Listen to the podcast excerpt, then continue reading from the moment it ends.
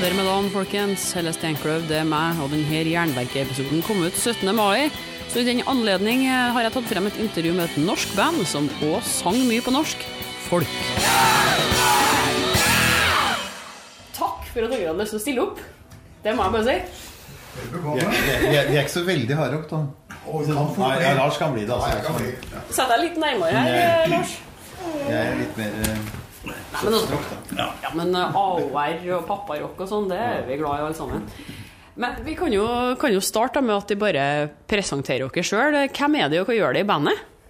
Jeg heter Morten Bing. Jeg spiller eh, ja, gitar, banjo, mandolin, dølsemer Litt sånn forskjellige ting med strenger på. Jeg heter Lars Helgesen, og jeg spiller elgitar og synger litt. i Grann. Og så fikk jeg inntrykk av at opprinnelig skulle jeg bare snakke med en Morten, med en, men med en gang jeg sa at ja, jeg vil ha litt sånn tullete historier òg, da måtte vi ha med en Lars òg. Jeg er også seriøs. Altså, det skjønner ikke jeg noe av, for at jeg er også veldig seriøs ja, når det passer seg sånn. Så, så kan, jeg kan være det. også, det er sant. Det er viktig med et smil i ny og ne, ikke sant? Men vi kan jo begynne helt på starten, da. Altså, Morten er jo den eneste som har vært med helt siden begynnelsen, har jeg forstått det som. Eh, kan du begynne helt i starten å fortelle hvordan folk ble et band? Hva som leda frem til det, og hvordan de ble den konstellasjonen eh, de ble? Vi starta en eh, ja, visegruppe, kan man kanskje si. Tre gutter som spilte sammen med gitar, banjo og mandolin. Og så fant vi ut at ingen av oss var gode nok til å synge.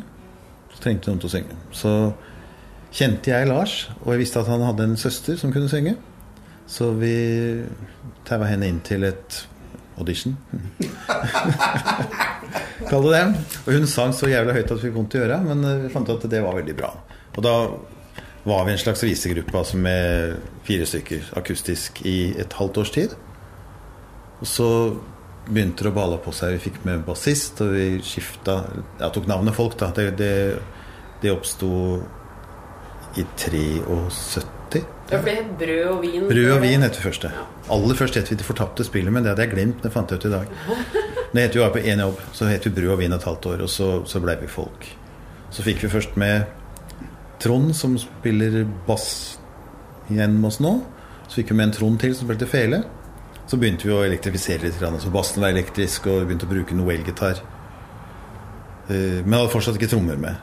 Og så, etter at vi hadde spilt inn den første plata, så ja, skifta vi ut gitarist, fikk med Lars og uh, elgitaren hans, og så fant vi ut at vi ha med trommer også.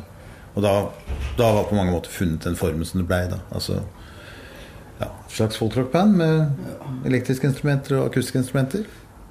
Hva, hva var grunnen til at de, de ikke hadde trommis til å begynne med? Fordi vi starta egentlig altså, i vise folkemus... Ja, folkemusikk er gærent å si, men altså visemiljø, da het vel kanskje.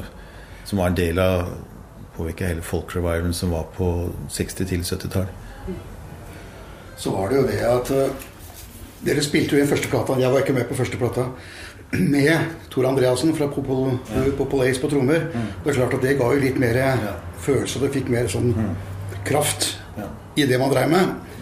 Så jeg ble med i 75, så var det fremdeles ikke, ikke trommer med. Men vi fant ut vi måtte jo ha det for å, for å løfte oss, rett og slett. Altså det kom fra det nivået fra nesten viseklubb til klubb 7. Ikke sant? Eh, miljøet. Da, så det, det gjorde vi. Fra Visesju og til hovedscenen. Og det, og det gjorde faktisk at det ble mye morsommere å spille ja, også. Og det, for dette, det med å spille uten trommer, det er ganske disiplinerende. Da må både bass og gitar fungere som rytmedriverne. Og det å gjøre både det og spille litt sånn fritt fram samtidig, det var ikke lett. Trommer så får du mye mer sky, mye mer øs og mye mer frihet til å gjøre det du liker. Nå var jeg seriøs. ikke sant? Det kan være det. Ja, jeg syns det var veldig fint og seriøst. Det, Ja, det ga faktisk et svar. Eh, men jeg forsto det som at de, jobba med Øystein Sunde på de to første platene. Hadde det noen påvirkning? eh? Nei, ikke så egentlig. Altså, vi kjente Øystein fra, fra visemiljøet i Oslo på slutten på begynnelsen av 70-tallet. Og så var vel egentlig via Øystein at vi fikk platekontrakt. Altså vi fikk spille inn en teip i studio som han hadde i kjelleren sin. Så tok han med det til plateselskapet til Fonogram. Og så var han produsent for oss. Jeg tror ikke egentlig han hadde noen stor påvirkning på arrangementer eller hvordan han spilte, men han var en veldig bra faktor for å få unge folk som ikke hadde noen erfaring til å slappe av i studio, ha det moro i studio. Ja. Så grunnen det, og det vil jeg si også på den første plata du var med på. Ja, ja. Det var det funksjonen hans var. Det var egentlig liksom, ja, ha, at det blir gøy å jobbe. Altså. Mer enn akkurat en verken det å ha påvirkning på arrangementer eller lyd. Han var jo egentlig ikke gamle karen, han heller, den gangen, da. Nei, han hadde tre-fire LP-er på baken. da Han hadde jo produsert uh, i hvert fall én plate for, for Lillebjørn også. Ja, han hadde gjort, og så hadde han jo Fusel og Blågress. Ja, ja. så det var jo- Og han var jo proff han i forhold til oss, da. Ja, ja. Til de grader. Så han var morsom. Så vi hadde um, morsomt i studio, og det morsomme båttur og i det hele tatt. Det var gøy. Gøy tid. Det ble mer seriøst på tredjeplata. For da fikk vi Nils Bjarne Kvam, men han var jo han var produsent. Altså, en av de proffeste Ja, produsentene som var Oslo. var dritproff. og Man lærte jo veldig mye av ham, må jeg si. Sånn studiemessig. Så, Men nå når du sjøl har brakt opp tredjeplata, den Vardøger, sant? ja. Eh, Det var jo òg Virka som at det var da det, det, det løsna litt innad i bandet. da, Så at man ikke eh, Folk begynte å hoppe ut, og plateselskapet var ikke fornøyd. og Nei, skal man si som skjedde Altså første så var jo Mellom første og andre plata så skifta vi altså, altså kom Lars med istedenfor forrige gitaristen. Og så etter den andre plata så slutta Trond, som nå er tilbake som bassist. Og det var merkbart på Vardøger at, eh, at han ikke var der lenger. At vi mangla hans bass. da. Og så solgte Vardøger jævla dårlig. Altså Vi solgte ikke noe særlig strålende på til første heller. Men plateselskapene var ganske åpne på midten av 70-tallet på å slippe til artister. Men det er grenser for mye man vil slippe til. Så hvis man har tre plater som har solgt dårlig, da syns du det greide seg. Så og Vardøger, som vi i grunnen var jævla fornøyd med, syntes det var en veldig bra plate. Gjennomarrangert og flott på alle måter, syns vi. Men det så elendig. Og da fikk vi, fikk vi kroken på døra fra, fra Fonogram. Så ble vi spurt av, av plateselskapet Mai, da, som jo var sånn ML-plateselskap, mer eller mindre, om uh, vi ville spille en plate hos dem. Og de trodde at vi hadde salgsverdi. Derfor de kom, de kom til oss. Vi visste jo at vi ikke hadde det. Vi ville bare ha et plateselskap vi ville spille en plate på. Så fikk vi litt sånn renommé på å være veldig venstrevridd fordi vi spilte der. Men for oss var det bare en mulighet til å få spilt inn to plater til. Altså, Dere tenkte egentlig aldri politisk, det var mer bare å Sånn generelt venstresida, det var vi, var vi nok. Men ikke sånn at vi akkurat hørte hjemme i noen bevegelse. Lisa er jeg var fra vestkanten. da. Ja, det var fra vestkanten. Det var fra vest, ja, ja.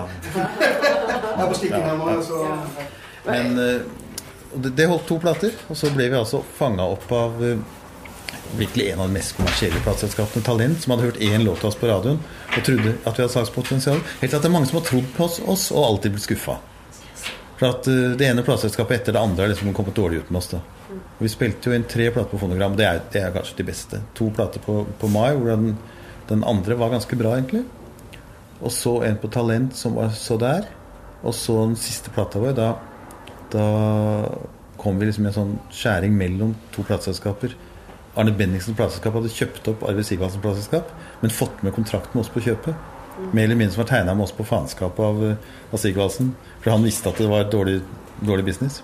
Men vi fikk så mye studietid vi ville ha til å spille den plata. Og vi fikk 15 000 kroner, som var ganske mye penger som på begynnelsen av 80-tallet, i forskudd. Og når vi var ferdig med å spille, fikk vi beskjed om at nei, vi kom ikke ut i plata, men her kan dere få masteren. Så vi satt plutselig igjen med masteren og 15 000 kroner. Så fant vi et lite alternativt plateselskap som var villig til å gi ut i plata for 5000. Så vi tjente altså 10 000 kroner eneste gang vi har tjent noen penger på dette bandet i det hele tatt. Så i forhold til at vi faktisk da har gitt ut uh, Hvor mange LP-er var det? 1, 2, 3, 4, 5, 6, 7, 8, 8 album, da. Så har vi i grunnen ikke tjent et øre på noen av dem. Så de var kommersielle fiaskoer alle sammen. Men ålreit plater, egentlig, syns vi, da. Ja, for det er jo ganske spesielt at dere eh, eh, altså, kan kalle det en flopp kommersielt sett, da. Men at dere likevel fikk platekontrakt på platekontrakt. Det er jo veldig få band som har gått gjennom eh, den prosessen der og fortsatt å gi ut plater. da. Ja, det var helt utrolig. Altså, men av en eller annen grunn så er altså først er, Som sagt, Fonogram de, de var veldig veldig åpne sånn på midten av 70-tallet. De slapp til veldig mye rart, og så liksom sila de det ut etter hvert. Men uh, plateselskapet Mai lurte seg sjæl. Uh, plateselskap Talent lurte seg sjæl. Og siste plata den kom som jeg fortalte, en sånn luregreie mellom Sigvaldsen og Bendiksen. Og den aller siste plata vår, den ble spilt inn eh, Altså, vi hadde en, hadde en konsert på en festival i Danmark. Eh, Det var nesten på tampen av ja, den tida vi holdt på. og da vi var ferdig med å spille, så, så mm, kom lydteknikeren og ga oss en kassett. Han tatt opp konserten. Og den fikk vi altså gitt ut på, på LP en del år senere, da. Ja, det var ganske mange år senere. Det var 98 eller noe sånt den eh, kom ut til kass... Eller nei, det var nei. Samlis. Nei, den kom på tidlig i 91. Så kom- ja, så kom det var en samling som kom på Ja, ja, en samle-CD som kom på slutten. Så Men det er jo på mange måter kan vi si at vi har liksom to perioder. Bandet har to perioder. Det første var med de tre første platene med Lisa som vokalist og Fjellspill med Trond Vilde. Og neste perioden var med uh, Jen Mortensen som vokalist og Øyvind som også spiller med oss nå som på Fjell. da. Og så stoppa vi opp i 84. Og så hadde vi en jobb i 92-94, en jobb i 2004, og jeg tenkte grunnen at nå var det hele over for alltid. Så mer eller mindre tilfeldig så begynte Lisa og Lars og jeg å ja, treffes for å spille litt sammen, bare sånn for hyggens skyld. da. Og så dukka Trond, bassisten vår, opp også, og Øyvind, fellesspilleren, som også er svogeren min. Og så nevnte jeg for Alexander, som jeg er kollega med, at eh, vi hadde begynt å spille, og lurte han på om vi trengte trommeslager. Ja, det hadde kanskje vært artig. Og så fort jeg hadde sagt til Alexander at jeg tenkte trommeslager, så hadde vi plutselig fått booka en spillejobb her, og vi hadde impresario, vi hadde PR-agent, og bare alt tok av. Vi skjønte jo ingen verdens ting. Plutselig sto vi på scenen der nede, og trodde vi bare skulle sitte i sofaen og spille litt gitar. Så, så det. Og, og, og da var det Det var egentlig et comeback, det, da, på et vis. på mange måter. Altså, det var tenkt som en slags jubileumskonsert, for det var 40 år på dagen siden vi hadde spilt inn første LP-en vår. Og, det var jævla gøy. Altså, det var jo utsolgt her tre måneder på forhånd. Og vi opplevde jo at eh, folk i salen kunne tekstene like godt som vi kunne.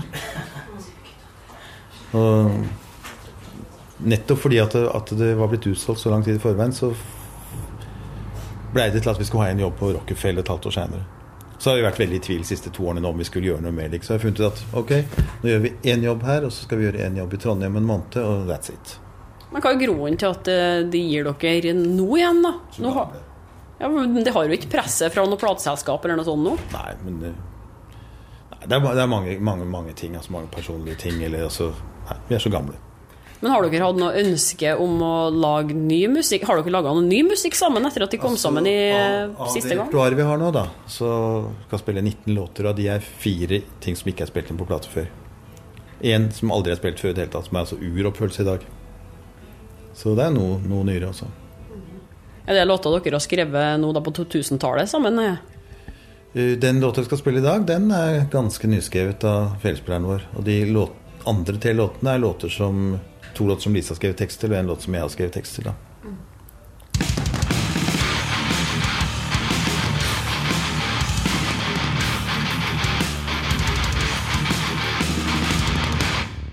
Men så musikalsk sett så er jo mye av eh, det de har laga eller spilt inn, er basert på både engelsk og norsk eh, folkemusikk. Eh, Både eksisterende melodier, men det å sette melodi til tekst òg. Hvordan, hvordan har du jobba med dette her og funnet frem til de låtene dere har ville, brukt? Vi vi starta opp, så var vi veldig påvirka av eh, ikke minst engelsk folkemusikk og engelsk folkrock. da. Om første plate vår så er det jo også noen låter som vi har tatt fra forbildene våre og oversatt. Eller noen har oversatt dem.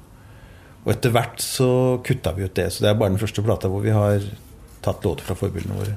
Men fortsatt på den andre plata så er det også et par engelske låter. Den ene har vel vi oversatt, hvis jeg husker mye feil. Og den andre er bare en tekst som, som jeg skrev melodi til.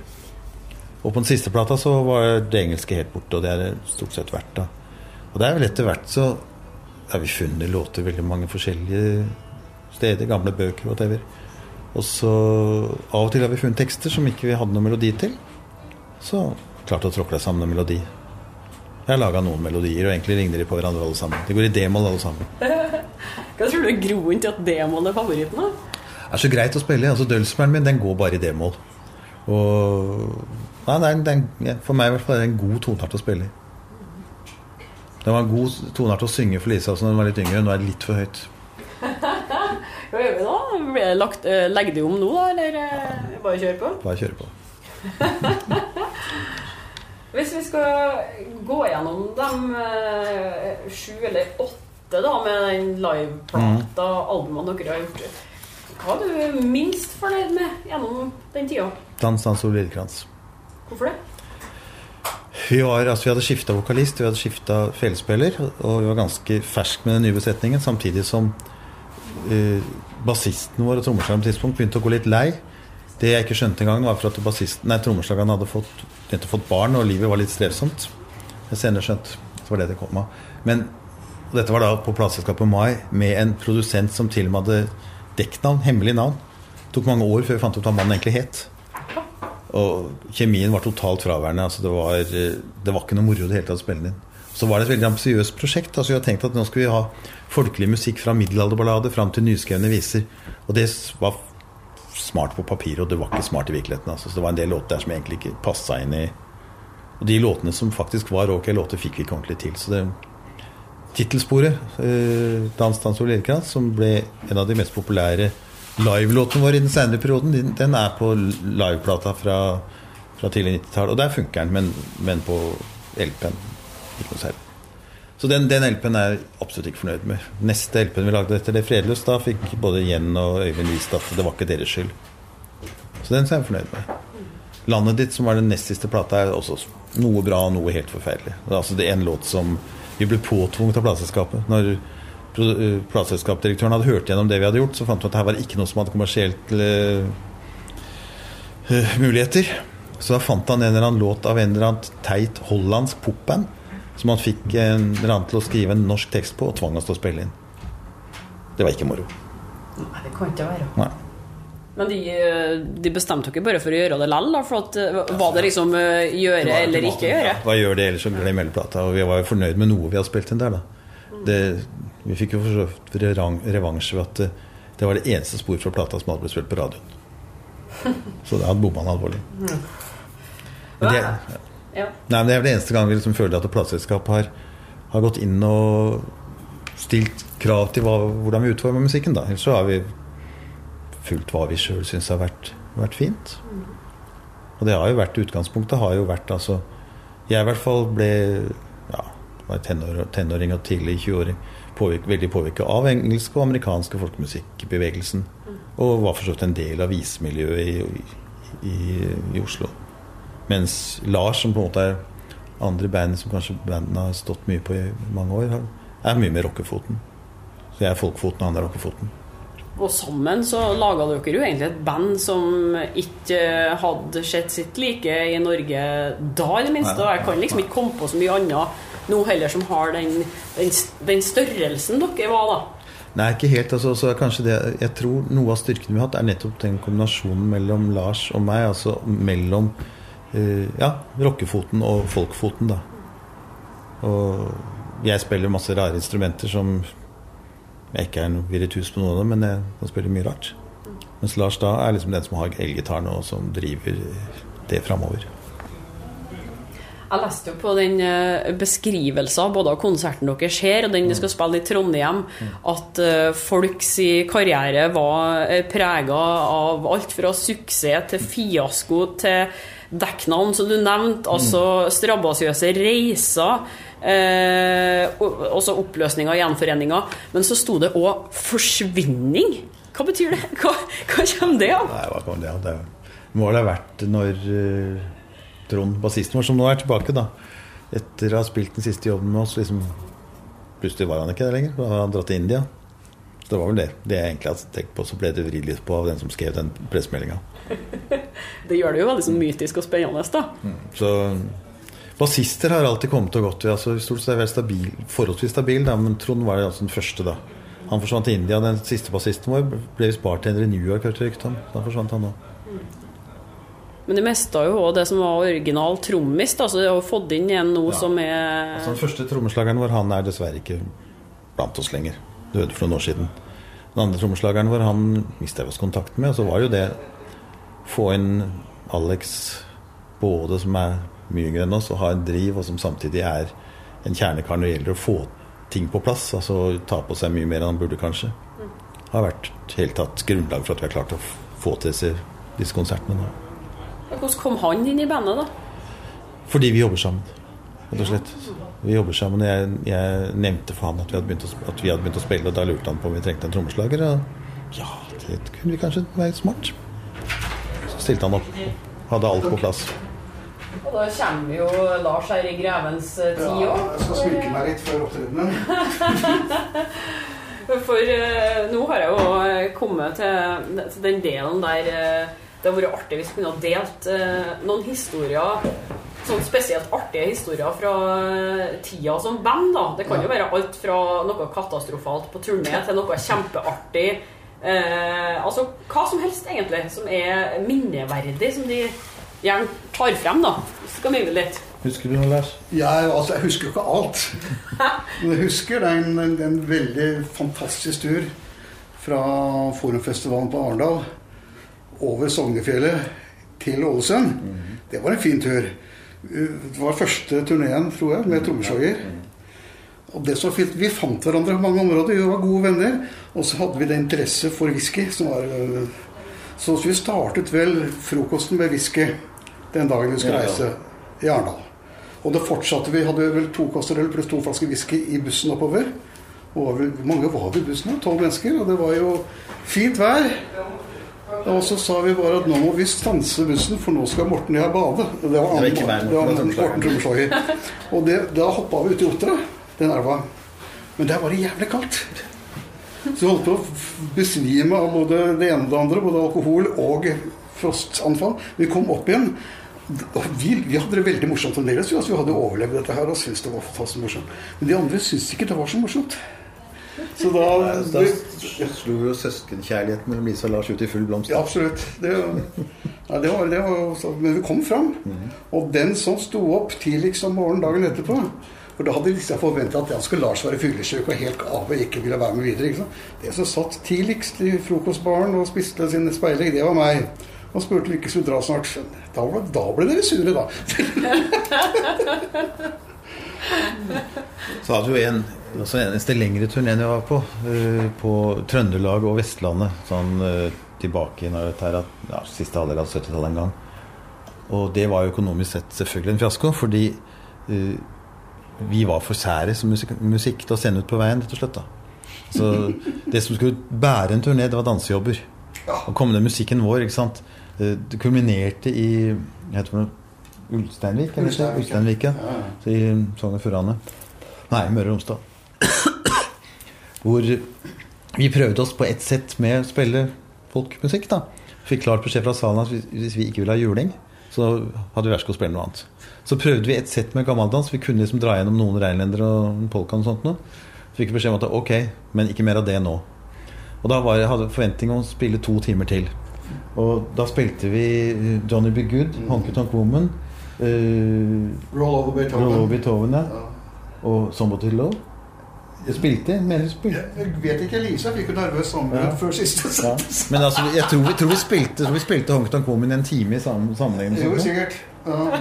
Og bare skrudde forsterkerne høyere og høyere. Og der var det sånn at, at uh, Rovdien vår, teknikeren vår, som da hadde vært der før med Prudence, han visste at det gikk ikke an å ha miksebordet nede i salen, så han hadde satt det opp på scenen. Og så visste at der, der var det fare for det kunne gå gærent. Ja, altså, det var, det var menneskelig, det. Vi fikk pengene våre. Ja, men vi gikk jo underskudd på turneen. Ja. Vi hadde, vi hadde, vi hadde, vi hadde, hadde for så vidt opphold. da Noen steder bodde vi faktisk til og med på hotell. Ellers så kunne vi bo sånn som der Vi hadde 50 kroner dagen til diettpenger hver. Og resten av pengene gikk til å dekke buss. Og noen prosent til stakkars impresarioen i Oslo som trodde de skulle tjene penger på den siste jobben, som vi rett og slett hoppa av. For det var enda verre dansejobb.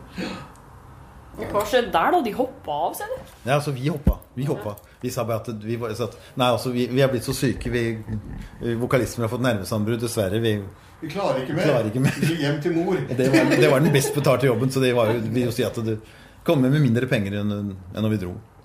Men, men hva i all verden var greia med at uh, selskapene sendte ut band som helt åpenbart spilte uh, folk og progrock og hardrock og sånn, og så sa de ja, nå skal dere på turné, men dere skal ikke spille musikken deres, dere skal bare spille andre ting? Ja, det var helt absurd.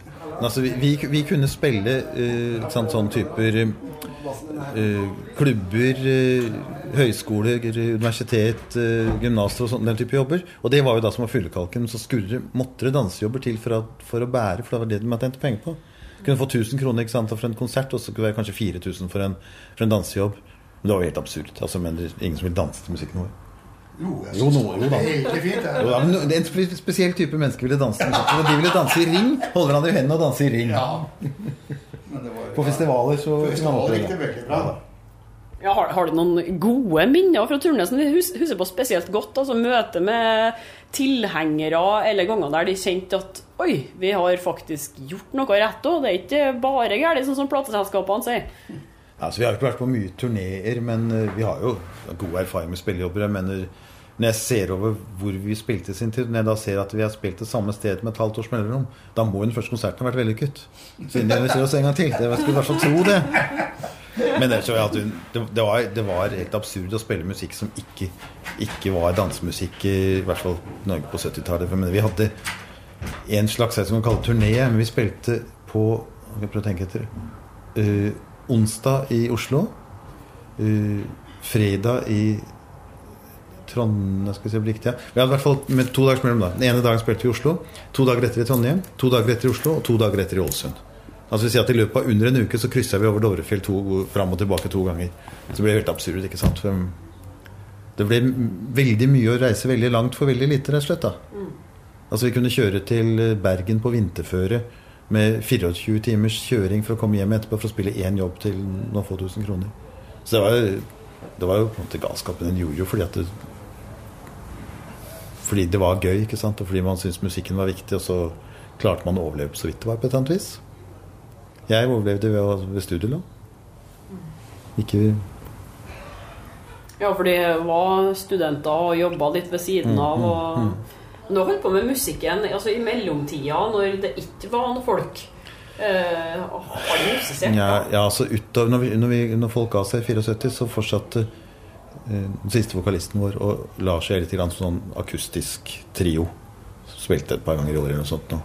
Fram til ut på 90-tallet. Og så 84.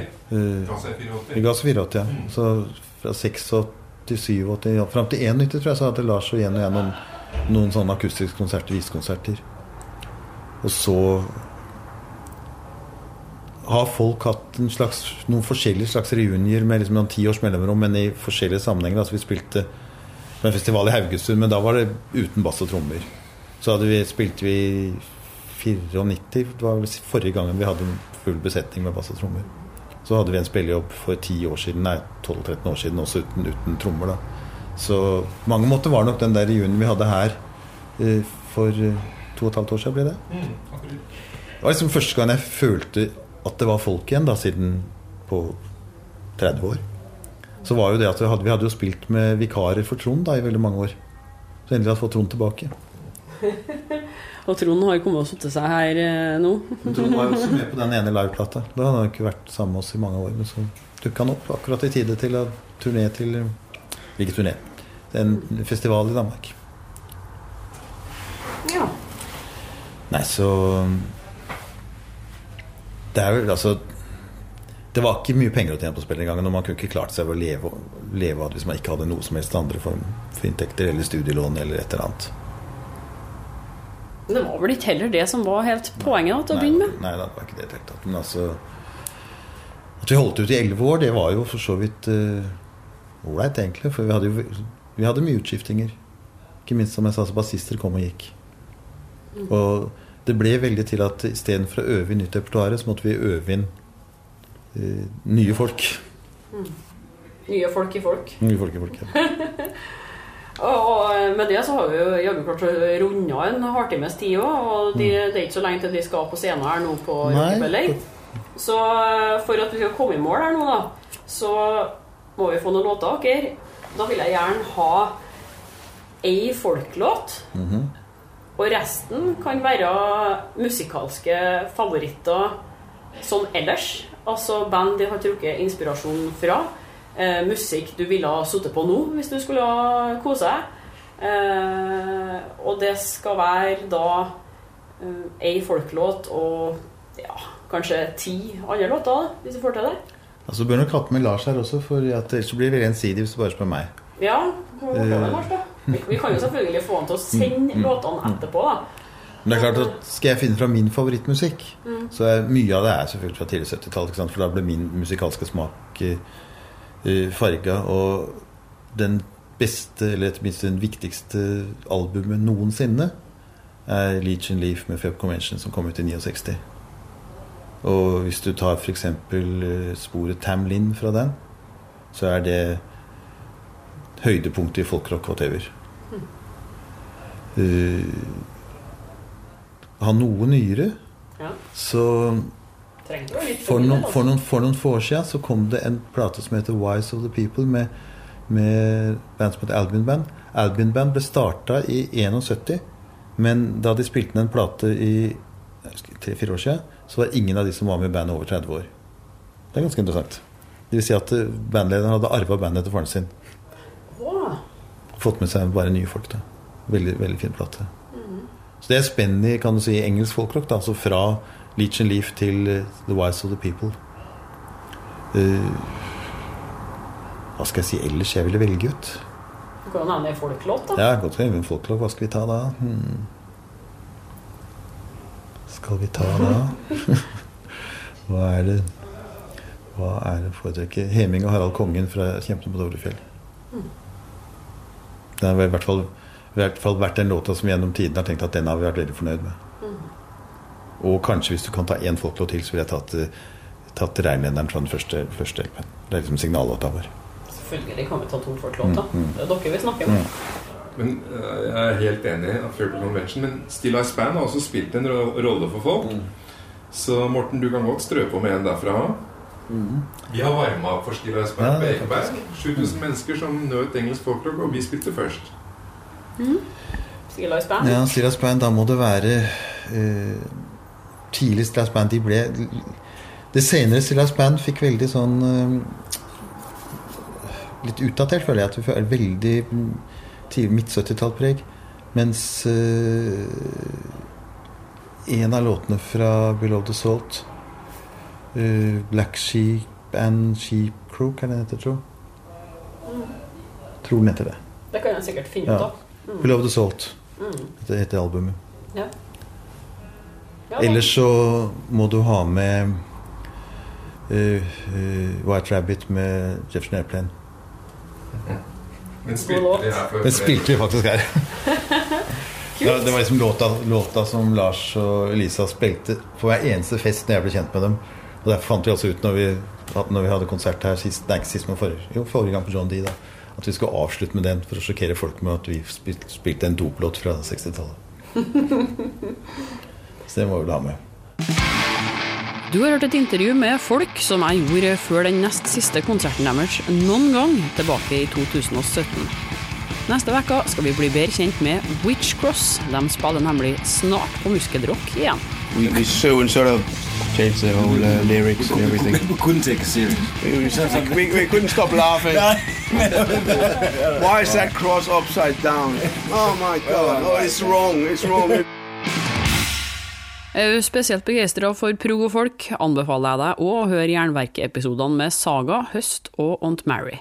Du finner mange andre intervju òg ved å abonnere på Jernverket podkast via podkastapp, eller gå inn på jernverket.com. Da er det òg kult om du legger igjen eh, ei god anmeldelse, for da løfter podkasten seg på listene, og det er fint, for da kan jeg fortsette med det her og kanskje skaffe meg noen sponsorer òg. For eh, i den anledning så er jeg ute etter nye samarbeidspartnere. Hvis du vil annonsere via podkast, kan du sende meg ei melding. Og husk på å følge Jernverket på Instagram og Facebook for månedens album fra Katakomben, diskusjoner, konkurranser og nyheter. Jeg heter Helle Steinkløv, og jeg gir deg et nytt eller gammelt hardrockintervju hver fredag. Vi høres!